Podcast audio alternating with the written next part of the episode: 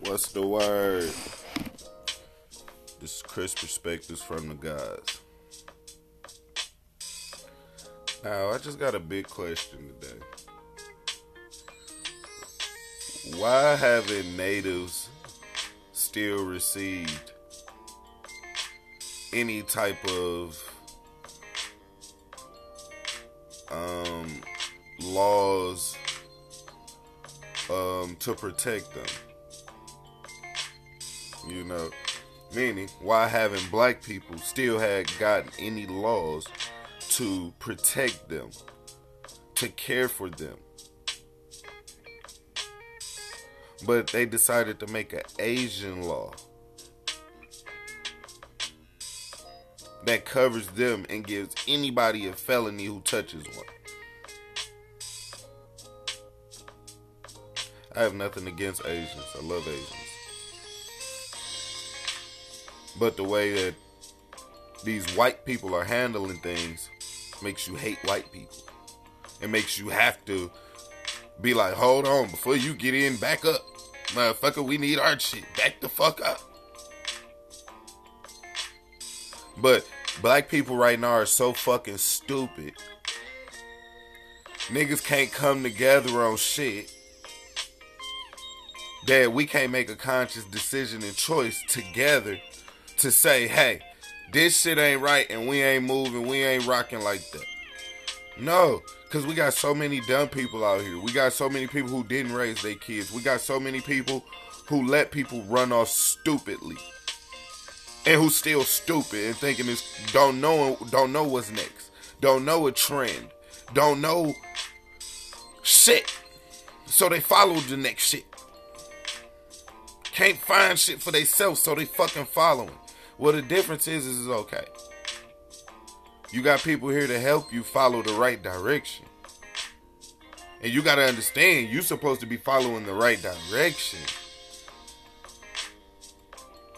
But if you following the evil and the dark light and the pro death, then to each his own. Now, the difference is is to be pro life, it don't that ain't got shit to do with your sexual orientation.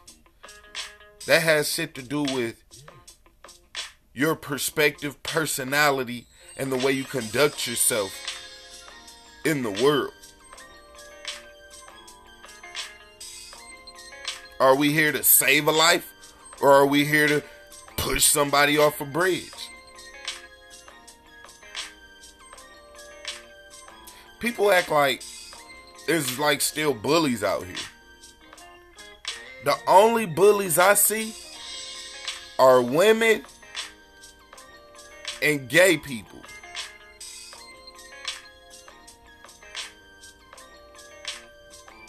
The biggest bullies right now, and that's because they're bullying you towards something that don't even matter. For some shit that don't even matter.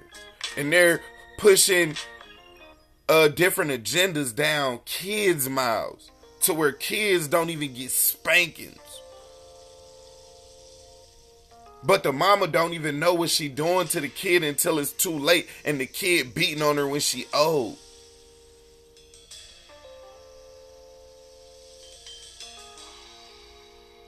Parents think if they buy their kid everything later on,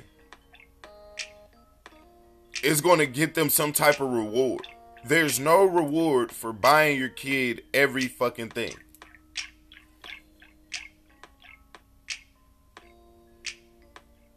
There's a reward in properly teaching your kid.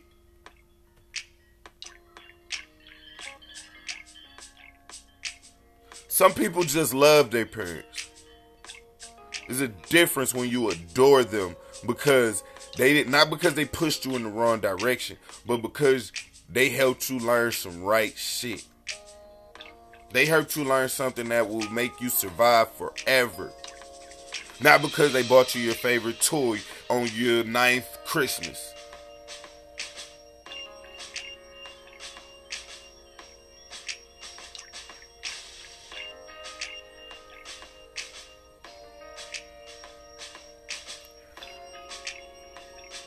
It's a lot of souls that are continuously going in the wrong direction and becoming lost, thinking it's cute to be a fool.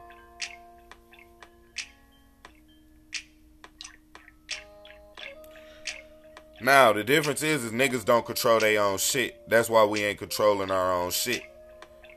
Everything would be in control if we was in control, but they're not letting us take control of what's ours. Our women could hold the accountability to put us in the position to take control. Moms, wives, you feel me? Because y'all are the sweet voice of the man. But instead of that, black women act like they go against their black spouse. That's why when black men get money and get some paper, get rich, whatever, they're not looking for a black woman. Why? Because they don't want to deal with no black argument. They don't want to deal with nigga problems. Shit that shouldn't even matter. You talking about thinking about you, and it's supposed to be thinking about some more fucking money together. Think about you, you're right here. Women want to be like God. And bitch, you ain't that motherfucking the shit. And it's not to say that, it's to say I'm not that motherfucking the shit, nigga. Together we're the shit. In the creator's eyes, if you know, then you know. But a lot of women get into relationships and start dealing with men to have another battle. Pay attention to that. Get away from that. You would be stuck in a merry-go-round in a loop and somewhere you wish you wouldn't be. No battles, black women. And then it's rubbing off on, you know, other women and stuff like that too. As soon as they feel like they can. And that's how the US is trying to break down the other power structures through their women because they did it with us. Stay tuned in. This is Chris's perspective from the gods.